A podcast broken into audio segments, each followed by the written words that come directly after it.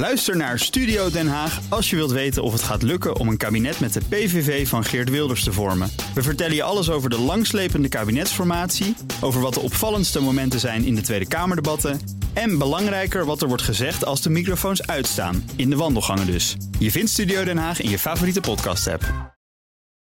DNR Nieuwsradio. Boekenstein en de Wijk. Hugo Reitsma. Please rise. Court is now in session. De rechtszaak tegen Donald Trump. How do you plead, guilty or not guilty? I never worked for Russia. Swear to tell the truth, the whole truth, nothing but the truth. You know that answer better than anybody. I never worked for Russia. Sir, you're out of order. Order, order in the court. Order, order. Not only did I never work for Russia, I think it's a disgrace that you even asked that question. Objection overruled. Overruled. You overrule the objection. Call the first witness. It's a whole big fat hoax. It's just a hoax. Have you reached a verdict? We have, Your Honor. Is de president van Amerika een Russisch agent? Heeft hij samengespannen met de vijand? Het onderzoek van Robert Mueller is nog bezig, maar Boekenstein en de Wijk openen alvast de strafzaak tegen Trump. Op zoek naar de nieuwe wereldorde. Met in de studio. U kent hem als cool, methodisch en berekenend. Trump krijgt rillingen bij het horen van zijn naam. Onze speciaal aanklager, Arend-Jan Boekenstein. Maar wat weten we eigenlijk zeker op dit moment? Wat zijn de feiten? Wat zijn de omstandigheden? Altijd op zoek naar de nuance. Confrère de Wijk. En te gast, hij was correspondent in Washington, tegenwoordig columnist voor het Parool en vandaag is hij rechter van dienst, de edelachtbare Paul Bril. Welkom. Benieuwd naar het vonnis straks, uh, Paul? Maar misschien eerst eventjes waar we nu staan, want we zitten ergens in dat onderzoek. We horen al maanden dat het bijna afgelopen is. Wat kunnen we zeggen over wat, wat er nu daar in dat onderzoek uh, is gebeurd, wat er is vastgesteld? Nou ja, zoals wel vaker gebeurt bij speciale aanklagers in het verleden, is dat ook gebeurd bij Robert Mueller. Hij heeft het net breed uitgeworpen. Dat betekent dat er veel vissen inmiddels zijn gevangen. Uh, een dertigtal. Uh, en dan nemen we de, de, de Russische instellingen die ook in staat van beschuldiging zijn gesteld even niet mee. Maar goed, een dertigtal. Het, het overgrote merendeel daarvan heeft al schuld bekend.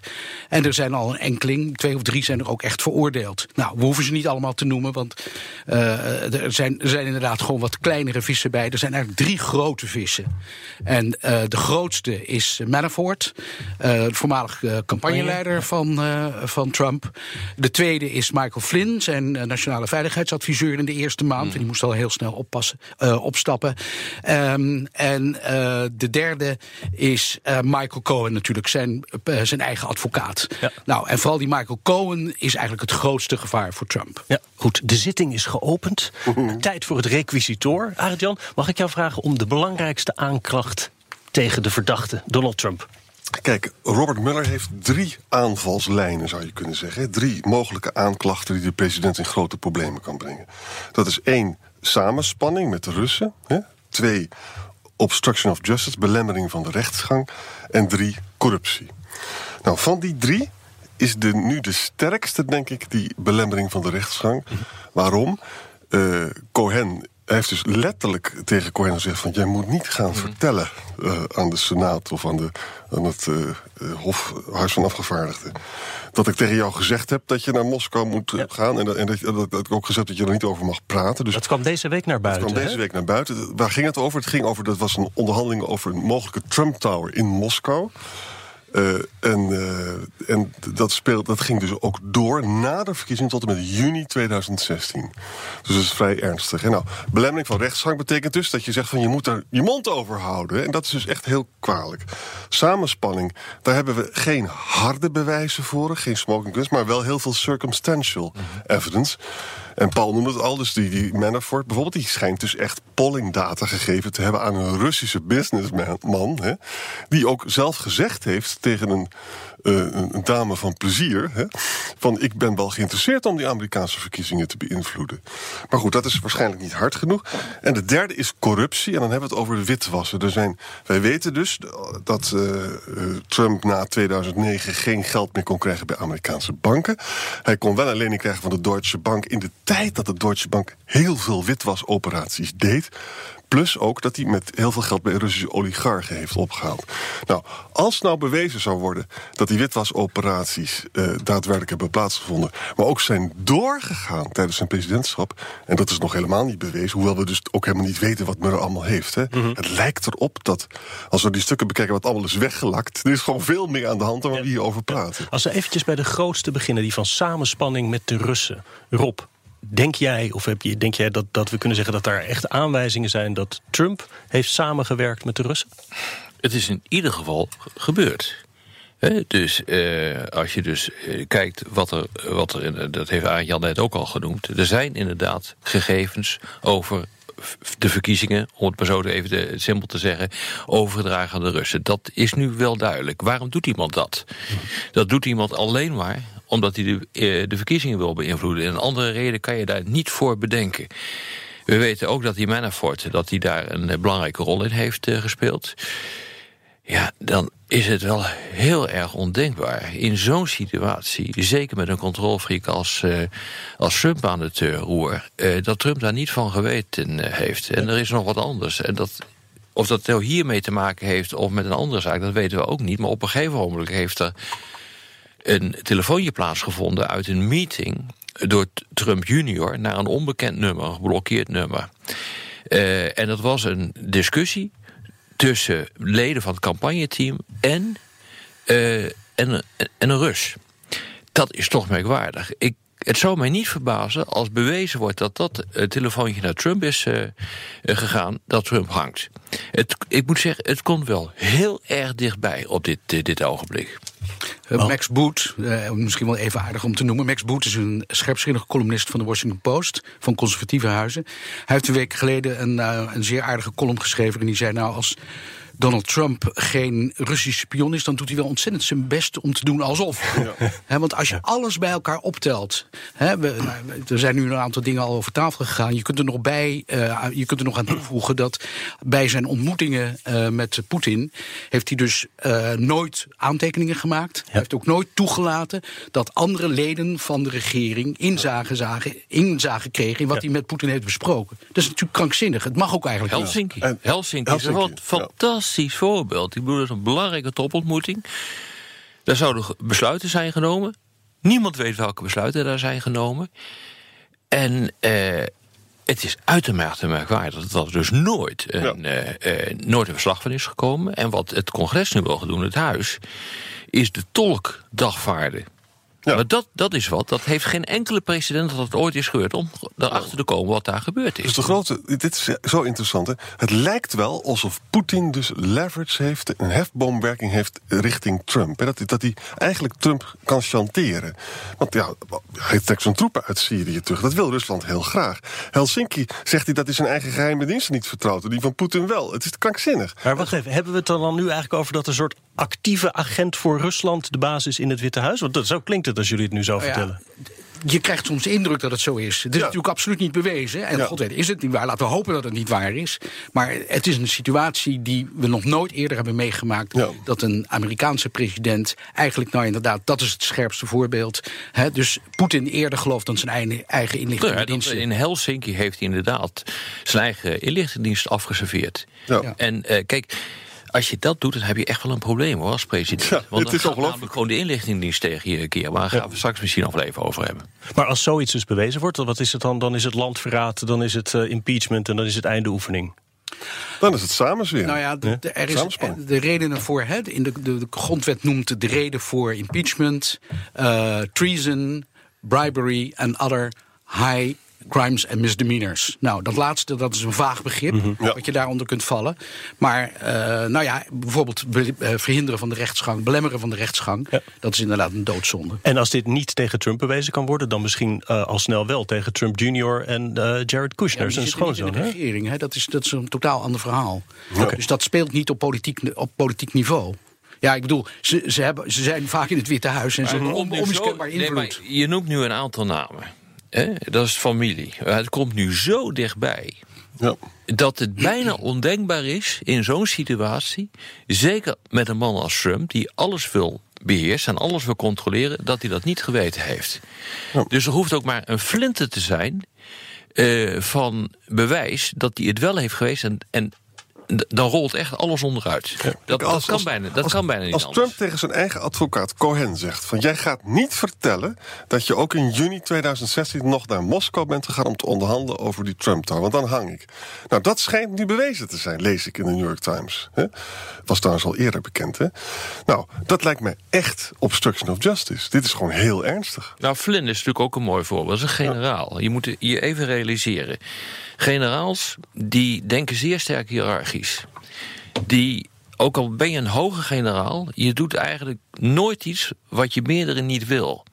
Dat zit gewoon ingebakken in dat soort functionarissen. Ja.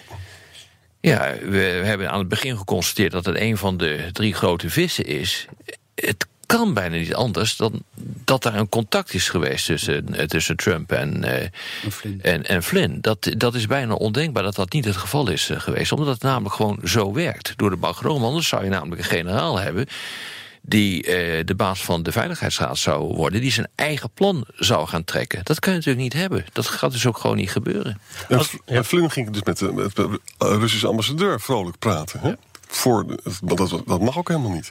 Eh, eh, Flynn zat ook vrolijk te toeteren op eh, Russia Today. Hè? en kreeg voor een lezing ook 10.000 dollar. En, dus dit, dit gaat allemaal wel heel ver. Ja, Dit als is, ik, dit is de man die tijdens de Republikeinse conventie eh decreet aanhief: lock her up. Toen het ging over Hillary Clinton. Ja. Dus Ja, ja. dat is, eh, dus niet de eerste, de beste. En de mensen die het wilden aanpakken, dus Comey, hè, die werd dus ontslagen. Comey was bezig met collusion. Dat mocht dus niet gebeuren. Sessions, zijn minister van Justitie, zei van... luister, ik, ik ga Mueller niet ontslaan. Sessions is eruit gegooid. Dus ja, het is, het is toch wel heel eh, duidelijk. nog even juridisch bekeken. Dit is tenslotte een strafzaak die we voeren met elkaar aan tafel. ja. Wat zou het motief zijn van Trump om actief samen te werken met de Russen? Niet alleen dus om de verkiezingen te winnen, dat, dat lijkt me een motief. Maar om dat dus nu misschien nog in allerlei gesprekken Ja. met Poetin ook nog... Nou ja, eh, er kan één motief zijn dat het gewoon geen democraat is. En dat het eigenlijk een autocraat is, een hart en nieren... die eigenlijk niks heeft met een democratie... en die zich gewoon aangetrokken voelt tot andere collega-autocraten... van variërend van Xi tot Poetin tot Erdogan.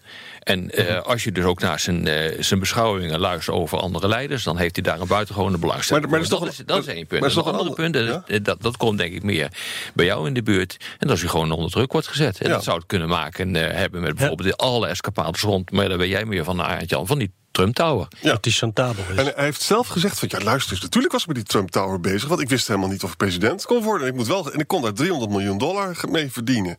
Nou, Op zich is dat wel een valide argument. Ja, op zich wel. Maar als hij dus met witwas... Als eh, Poetin zegt van luister, ik ga gewoon vertellen over die witwasgrappen van jou met mijn oligarchen. En dan hang je.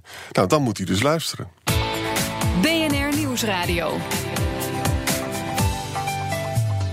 Boekenstein en de Wijk. Op zoek naar de nieuwe wereldorde. Dit is Boekenstein en de Wijk. En dat programma is natuurlijk niet zonder Arend-Jan Boekenstein en Rob de Wijk. Onze gast is buitenlandcommentator Paul Bril. En mijn naam is Hugo Reitsma. Mag ik onze special counsel vragen om de volgende aanklacht? Kijk, eh, er zijn dus drie mogelijke dingen. Samenspanning, obstruction of justice of corruptie. Nou, van die drie vind ik nu het sterkste obstruction of justice... dat hij dus verzwegen heeft, die Trump daar... maar ook gezegd heeft tegen zijn eigen advocaat... jij gaat niet vertellen dat, ik, eh, dat je door bent gegaan op mijn eh, eh, zeg maar advies... tot en met ju- juni 2016. Nou, de interessante vraag is natuurlijk van... waarom luistert Trump steeds zo naar Poetin. Hè? Helsinki hebben we genoemd, terugtrekken uit Syrië hebben we genoemd. Eh, ga zo maar door. Hè? Steeds, ook Azovzee, dus nauwelijks een reactie van Trump zelf. Waarom? Dat lijkt erop alsof hij gechanteerd wordt. Manafort die een eh, vredesakkoord heeft proberen te onderhandelen met Oekraïne... Ja. waardoor de, de sancties eh, Ja. zouden kunnen worden opgegeven. Niet onbelangrijk. Waarom in godsnaam in die tijd? Dus er moet verklaard worden, hoe kan Poetin Trump chanteren? Want dat lijkt er heel erg op. Er is er wel heel veel bewijs voor. Hè? Nog geen smoking guns, maar wel heel veel bewijs. Nou, het enige wat ik me kan voorstellen... heeft zo'n lange geschiedenis met Russisch geld. Dus zijn eigen zoon heeft gezegd van... ja, wij werkten met Russisch geld. We hadden helemaal geen Amerikaanse banken meer nodig. En als het inderdaad zo is dat daar witwasoperaties zijn plaatsgevonden... en mind you, Russische oligarchen doen dat heel erg vaak. In Rusland is dat allemaal wat minder netjes dan bij ons. Hè? Hoewel de Deutsche Bank dat ook eh, gedaan heeft. En daar heeft hij ook ook geld van geleend. Nou, dan hoeft Poetin alleen maar te zeggen van... luister eens, als jij niet doet wat ik zeg... dan ga ik gewoon vertellen dat je met eh, mijn oligarchen hebt dit gedaan. En dan hang je. Dat zou dus het idee kunnen zijn. Het alternatieve idee is wat kijk, hoe denkt iemand als Trump? Die zegt, die zegt gewoon zelf: ja, ik wist helemaal niet dat ik president zou worden. En ik kan heel veel geld verdienen in Moskou. Ik schat eh, 300 eh, miljoen dollar. Dus ik moet gewoon zaken doen. En, en met, met andere woorden, ik vind Rusland is voor mij gewoon een belangrijk land waar ik zaken doe. Dus zijn zakelijke belangen met Rusland zijn zo groot. dat dat dus ook het algemene Amerikaanse belang kan schaden. Dat ligt eigenlijk nog meer voor de hand dat hij zo denkt. Hè? Paul, acht jij Trump ook kwetsbaar op die zakelijke belangen? Ja, dat is die zeker. Ehm, maar er moet altijd een disclaimer bij worden, eh, aan worden toegevoegd. Eh, hard en onomstotelijk bewijs dat hij eh, nou ja, gewoon eh, strafbare feiten heeft gepleegd, zijn er niet. Er zijn wel heel veel aanwijzingen. Nou ja, e- e- een van die aanwijzingen is inderdaad dat hij in de loop van zijn carrière, eh, van zijn zakencarrière, ontzettend vaak uit de brand is geholpen door Russische industriëlen. Hè, dat onroerend goed is opgekocht, dat het niet meer verkoopbaar leek. Ja. Dus, dus je krijgt de indruk dat, hij, dat, dat er ergens iets zit. Maar ja, we weten het niet zeker. Ja, er is ook nog een akkefietje met een huis in Palm Beach. Hè? Ja. Die is volgens mij voor 40 miljoen dollar eh, door Trump gekocht. En op het dieptepunt eh, van de markt voor bijna het dubbele of meer dan het dubbele zelfs aan een Ja. Russische oligarch verkocht. Dat is eh, uitermate merkwaardig wat daar En gebeurt. En moet dat horen. dus witwasoperaties. Ja. Tussen 2003 en 2017 hebben dus Russen 86 all-cash purchases, dat, dat, gewoon je even, dat je eventjes contant betaalt, hè, eh, voor 109 miljoen voor Trump properties. Nou, dat is nog geen bewijs, want dat kan netjes geweest zijn. Maar cash is meestal een flag voor, voor potential eh, money laundering, Nee, voor witwassen. koffers nodig. Als het om dat soort bedragen gaat. Dus het is, dit is toch wel ongelooflijk.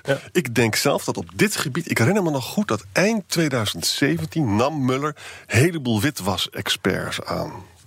Dat las ik in de New York Times toe. En die had hij heel erg nodig natuurlijk. Want hij wil, hij wil dit... Muller is precies zoals Paul ook zegt... die heeft het net breed uitge... en die wil zoveel mogelijk eh, mensen ook... want Muller weet zelf dat zijn rapport...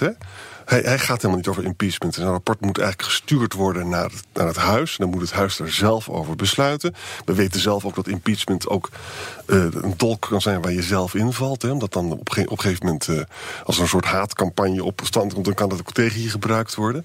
Maar Muller is een man van de oude stempel. Een notabene een republikein, hè, die heel gedegen is. En die man wil gewoon, een, dit is zijn meesterwerk. Hij wil alles onderzoeken. En hij komt pas met zijn rapport als hij heel veel dingen heeft onderzocht. Ik, ik, ik moet hier bij dit verhaal ook een beetje denken aan El Capone. Die wist dus ook op belasting te pakken. Hè? Op al die andere dingen waar het eigenlijk om ging niet. Maar uiteindelijk ging hij de bak in op zijn lullige belastingen. dingen worden gepakt. Dat is absoluut een eh, feit. Ja, nou ja, ja, daar valt weinig meer over eh, te zeggen. Behalve dus dat je op dit ogenblik ziet dat hij toch echt in een hoek eh, wordt gemanoeuvreerd. En ik ben het er volstrekt mee eens. Eh, we hebben nog steeds geen smoking gun gezien. Eh, het, eh, het, het zijn aantijgingen, er zijn nog geen harde bewijzen. Maar als je gewoon kijkt wat er op dit ogenblik gebeurt binnen de administratie en de, en de ondersteunende diensten van de administratie, binnen de ministerie, binnen de FBI, binnen de CIA, dan begint men zich dus volledig tegen Trump te keren. Ja, en dat natuurlijk- is echt slecht nieuws voor een president hoor. Want je, dat betekent dus gewoon dat hij binnen zijn binnen zijn eigen administratie, die hij natuurlijk ook verketterd heeft als deep state, eh, van een zooi mensen die gewoon niet deugen, eh, dat hij daar totaal geïsoleerd komt te staan. En wat ik begrijp, eh, van wat ik ervan hoor en lees, is dat inderdaad het Witte Huis op dit ogenblik in totale wanorde is. En dat hij feitelijk geïsoleerd is met een kleine groep mensen. Ja. Er komt nog iets bij dat politieke krachtenveld in Washington is natuurlijk veranderd. Ja. Tot nu toe eh, heeft de Republikeinse meerderheid in het congres, zowel in het Ja. Huis van Afgevaardigden als in de Senaat, heeft hem nou ja, eigenlijk afgeschermd. Daar komt het op neer. Maar goed, de Democraten hebben nu in het Huis een vrij royale meerderheid. Die, die zijn nu in staat om allerlei hoorzittingen te organiseren, om mensen op te roepen om te getuigen. De eerste grote die dat gaat doen is die Cohen. Die 7 advocaat februari. Op 7 februari, dat wordt razendspannend. Ja. Iedereen moet de televisie aanzetten, want het wordt vast Ja. feest. Wij noteren het. Ehm, en, maar goed, dat betekent dus dat er steeds meer informatie nu uitkomt. Ehm, en eh, ja, dat zal dus ook het hele beeld van, van, van de regering Trump gaan veranderen. Ja, jij noemde eerder die, die eh, wat is het, high crimes en misdemeanors. Als, als dus eh, er allemaal van dit soort rare belastingfraude, witwas, weet ik veel, als, als dat soort dingen eruit komen, is dat ook een impeachable offense of moet er dan meer uitkomen? Ja, maar dan moet dus wel wat dat is, of dat of high crimes en misdemeanors inderdaad reden is tot impeachment. Dat is een kwestie van interpretatie. Ja. Dus dat is eigenlijk een politieke beslissing. En dat moet tijdens je presidentschap gebeurd zijn. Als het daarvoor is, dan kan het niet tot impeachment leiden. Nee. En de Dus- Republikeinen moeten natuurlijk tot diezelfde conclusie komen. Anders dan houden ze een impeachment tegen in de Nou Senaat. ja, exact, dat is dus exact wat er gaat gebeuren. Kijk, In ehm, hoeverre is dan een, een president volledig immuun? Want als dus inderdaad hij eh, beschuldigd kan worden van hoogverraad... omdat hij eh, heeft samengespannen met eh, de Russen... en dat is gebeurd voordat hij aan de macht kwam... is dat dan iets Ja. wa- waardoor je gepakt kan worden of niet? Ja, Weet jij dat? de- nou ja, de, geleerden, de rechtsgeleerden zijn het daar niet helemaal over eens. Maar de standaardpraktijk is dat de enige manier om een president aan te pakken... is hem een afzettingsprocedure te beginnen. Ja. Hij kan niet worden aangeklaagd voor de rechter. Dat wil zeggen, sommige rechtsgeleerden zeggen dat dat wel kan. Dat de constitutie dat niet met zoveel woorden verbiedt, wat ook zo is. Maar anderen zeggen, ja, god, dat is in, dus in de loop van eh, de Amerikaanse geschiedenis... is er altijd een, een meerderheidsmening geweest... Ja. dat je een zittende president niet voor de rechter daagt. Als je er iets wil, moet hij afgezet worden. En zodra hij afgezet is, kun je hem voor de rechter dagen. En ook als hij geen president meer is, dan kan het ook. Dat kan zeker. Ja. Vandaar dat eh, destijds met Nixon... Ja. een van de eerste dingen Die Ford. die eh, Ford deed... was hem gratie verlenen. Nou ja, dat hij er vanaf was. Ik zit inderdaad aan dat scenario te denken. Het zou mij dus ook niet verbazen als je die kant op gaat. Hè? Dat als, het, eh, als de grond zo heet onder zijn voeten wordt... dat, je zegt van, dat hij dan vervolgens gaat zeggen van... Ik ben een slachtoffer geworden van. Ik bedoel, dat is altijd wat, eh, wat populisten doen. Ik ben een slachtoffer geworden van het hele systeem, van de deep state. En nou ja, ga zo Ja. door. Je kunt allemaal zelf wel bedenken hoe dat dan gaat. Aftreedt en een deal sluit met, zijn, eh, met Pence, de vicepresident. Ja, ja. Om, eh, eh, om immuun te zijn. Ja. Om te voorkomen dat hij daarna nog een heleboel rechtszaken aan zijn broek Nou ja, heeft. of Nixon destijds echt een deal heeft gesloten met Ford, dat is eigenlijk nooit gebleken. Nee. Zou kunnen hoor. Maar Nixon zat in een andere situatie. De Democraten hadden destijds zowel de meerderheid in het Huis als in de Senaat. Hoewel de meerderheid in de Senaat niet zo groot was dat ze automatisch de impeachment door konden drukken. Want daar is in de Senaat een tweederde meerderheid voor nodig. Maar Nu hebben de Republikeinen nog altijd de meerderheid in de, in de Senaat. Dus Trump zou erop kunnen mikken dat hij, dat hij daar Ik, ik, haalt. ik denk dat hij daar niet op kan mikken. Want hij heeft natuurlijk. eh, kijk, maakt nooit onnodige vijanden, hè, is het eh, gezegd. En dat heeft hij natuurlijk wel gedaan. Ja. Ook eh, binnen zijn eigen club. En ze tolereren hem als eh, president. Als, maar ze omarmen hem niet. Dus op het moment dat zo iemand gaat schuiven met die reputatie en die populariteit binnen eigen gelederen. dan kan het maar zo zijn dat de hele boel in één klap omzwaait. Nou ja, ik vind dat tot nu toe de Republikeinse partij toch wel behoorlijk mak is gebleven. Ja. En dat doen ze, nou ja, omdat voor veel senatoren, vooral die uit het zuiden komen en die uit het Midwest komen en uit Mhm. dunbevolkte staten, waar Trump dus eigenlijk zijn, zijn overwinning heeft behaald, daar is zijn populariteit nog redelijk op peil. Ja. En zeker binnen de partij zelf is hij nog steeds eh, de man. Ja. Dus zij zijn allemaal nog allemaal bang dat als zij zich tegen hem keren, dat dat thuis Ja, maar dat in eigen staat problemen oplevert. besluit wanneer je dat gaat doen. Ja. Op het moment dat hij echt totaal in de, in de hoek is gemanoeuvreerd... en het is volstrekt evident dat een aantal van de zaken die we nu hebben eh, besproken... dat hij daarvan beschuldigd eh, kan worden... dan eh, is mijn inschatting dat gewoon ook zijn zogenaamde aanhangers... niet onder het volk, want die zullen hem denk ik wel blijven steunen... maar binnen de Senaat dat hij gewoon omklapt. Nou, ik denk eerlijk gezegd dat veel zal afhangen van hoe het met de economie gaat. Ja. Kijk, die- Ook. dat, dat is natuurlijk nu Ja, nog steeds ook. Ja, zijn, zijn, sterkste, zijn sterke troefkaart. Daar speelt- gaat het redelijk goed mee. maar er speelt nog Maar wat. Weet je, hij Over twee, drie maanden zou dat best eens minder kunnen Ja. worden. Hij heeft geen vluchtroute zit ik te bedenken. Want hij zou natuurlijk, kijk, op een gegeven moment denkt hij van... nou, ik word weer helemaal doodziek, ik ga lekker terug naar mijn empire. Hij kan niet meer goed die Trump-empire doen. Want dat witwassen, dat, dat, dat zit nu al, allemaal... eh loepen worden erop gehouden. Nee, snap waar je? Hij voor moet vrezen is dat als hij geen president meer is, dat hij, dat hij, dat hij voor de rechter komt. Exact. Dus hij En, moet eh, doorgaan. En de democraten haten hem. Hè? Ja. Er zijn mensen die hem haten. Dus, die gaan, die dus gaan achter hem aan. deal. Dus maak je een deel? Nog even wat vragen van luisteraars. Jeroen Klomp vraagt uit Timothy Snyder. Intelligente luisteraars hebben wij toch, hè? De Road to Unfreedom. Denken jullie dat Trump een bereidwillige agent is van Rusland... of eerder een useful idiot, zoals de fellow travelers ook waren in het Sovjet-tijdperk? Nou ja, kijk, dat is een goede vraag van Jeroen. En hij is ook een heel belangrijk boek aan het lezen van Timothy Snyder. The Road to Unfreedom. Een van de belangrijkste boeken van, de, van eh, dit jaar, zou ik zeggen. Het is vorig jaar uitgekomen. Ehm, kijk, het is natuurlijk geen fellow traveler. Het is niet een man die ideolo- ideologie deelt eh, met eh, Poetin. Trouwens, Poetin zelf is natuurlijk... eh, Nou, is dat zo? nou ja, wel, wel in de zin van... Ook gewoon, hij hangt toch ook tegen dat autocratische aan. En Ja, dat, dat wel. Maar ik denk zelf dus, maar goed, het is een subjectieve opvatting, dat het veel meer te maken heeft. Trump wil gewoon geld verdienen. Hij had, ziet daar kansen in Moskou en dat gaf dus Poetin de gelegenheid om hem te chanteren vanwege die witwasoperatie. Dus geen van beide eigenlijk. En dan, en dan, precies, dan, is het dus, dan ben je dus geen agent van Rusland. En je bent ook niet een, een ideologische counterpartner. Maar je bent gewoon iemand, een opportunistische zakenman. Zo, of ik gelijk heb, weet ik niet. Maar zo, zo denk ik dat het uh, in elkaar zit. Ja, Paul, zou jij Trump eerder indelen bij, uh, bij een idioot of bij kwaadaardig? Nou ja, ik vind hem, ik vind hem eigenlijk allebei een beetje. en um, hij doet natuurlijk gewoon ontzettend veel kwaad. Dus in die zin vind ik het wel een idioot. Ik bedoel, de, de, de, wereldorde rammelt echt. En dat komt in belangrijke mate door hem. Doordat Amerika zijn traditionele leidersrol niet meer vervult. Uh, dat was onder Obama al een beetje minder. En nu is het gewoon helemaal ja, dat is iemand die gewoon niet meer gecommitteerd is aan een aantal belangrijke instituties. Ja, je ziet de boel voor je ogen instorten. Ja. En dat is wel, dat geeft wel te denken. Ik bedoel, het is natuurlijk gewoon er. Ik bedoel, nou ja, in de eerste instantie dachten we, nou, de NAVO laat hij met rust. Nu komen er toch allemaal weer signalen van dat hij, als hij zijn zin zou krijgen, zou hij morgen uit de NAVO stappen. Ja. Nou ja, dat is, dat is, een, dat is een schok voor de, voor de hele wereld. Blogaap die vraagt: Eind augustus twitterde Trump dat er bewijs is dat China de privé-e-mailserver van Hillary Clinton zou hebben gehackt. Hebben we daarna daar nog nooit iets van gehoord? Of was dit gewoon een stofwolkje in de geschiedenis? Ja, moeten we het nog hebben over de e-mailserver? We hebben zitten ik, natuurlijk. Ik, ik, heb dat bericht nooit meer, nooit meer gelezen. Volgens mij was het flauwekul. Ja, dus er zijn natuurlijk ontzettend veel oprispingen op dit gebied. En die verdwijnen dan ook weer even snel. Ja. Nou ja, maar het, is, het geeft natuurlijk wel te denken dat je dit soort zaken rondtwittert.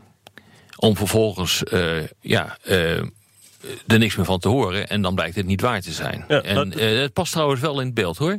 want een onderdeel van de tactiek van Trump is om gewoon te liegen. dat heeft hij trouwens afgekeken van Hitler. Ja, uh, Hitler. Hitler. ja, oh. natuurlijk. Uh, die, heeft dat, uh, die heeft dat ook uitvoerig beschreven hoe je dat moet doen. En dat heeft hij redelijk gekopieerd.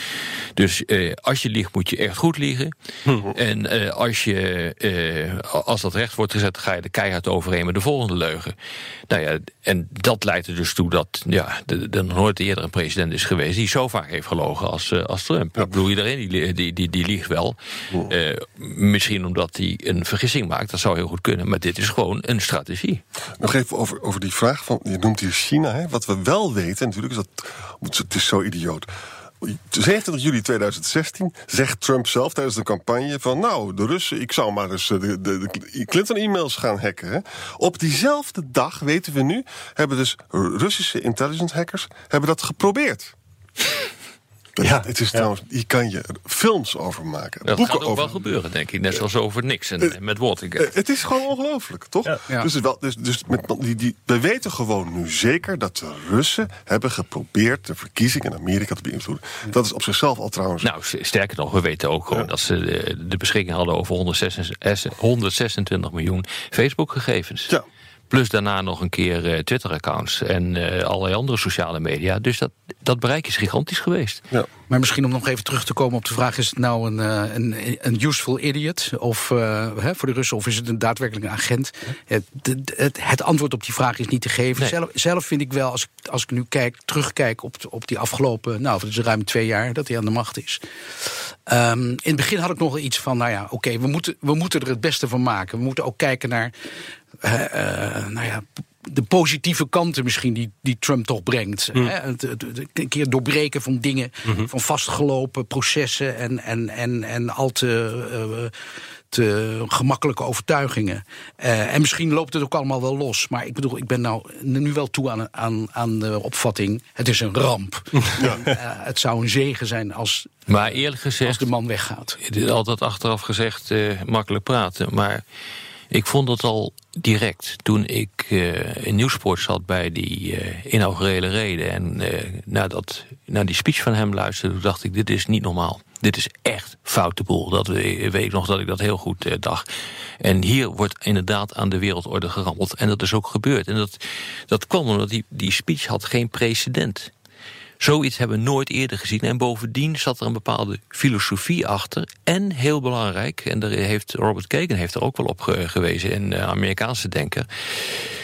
Hij hoeft aan niemand verantwoording af te leggen, behalve aan zijn electoraat. Maar hij, hoeft, hij is er gekomen ondanks de Republikeinse Partij. Dat maakt je positie totaal anders dan van allerlei andere eh, presidenten. En dat is wel heel belangrijk om dat te on- onthouden. En die combinatie daarvan.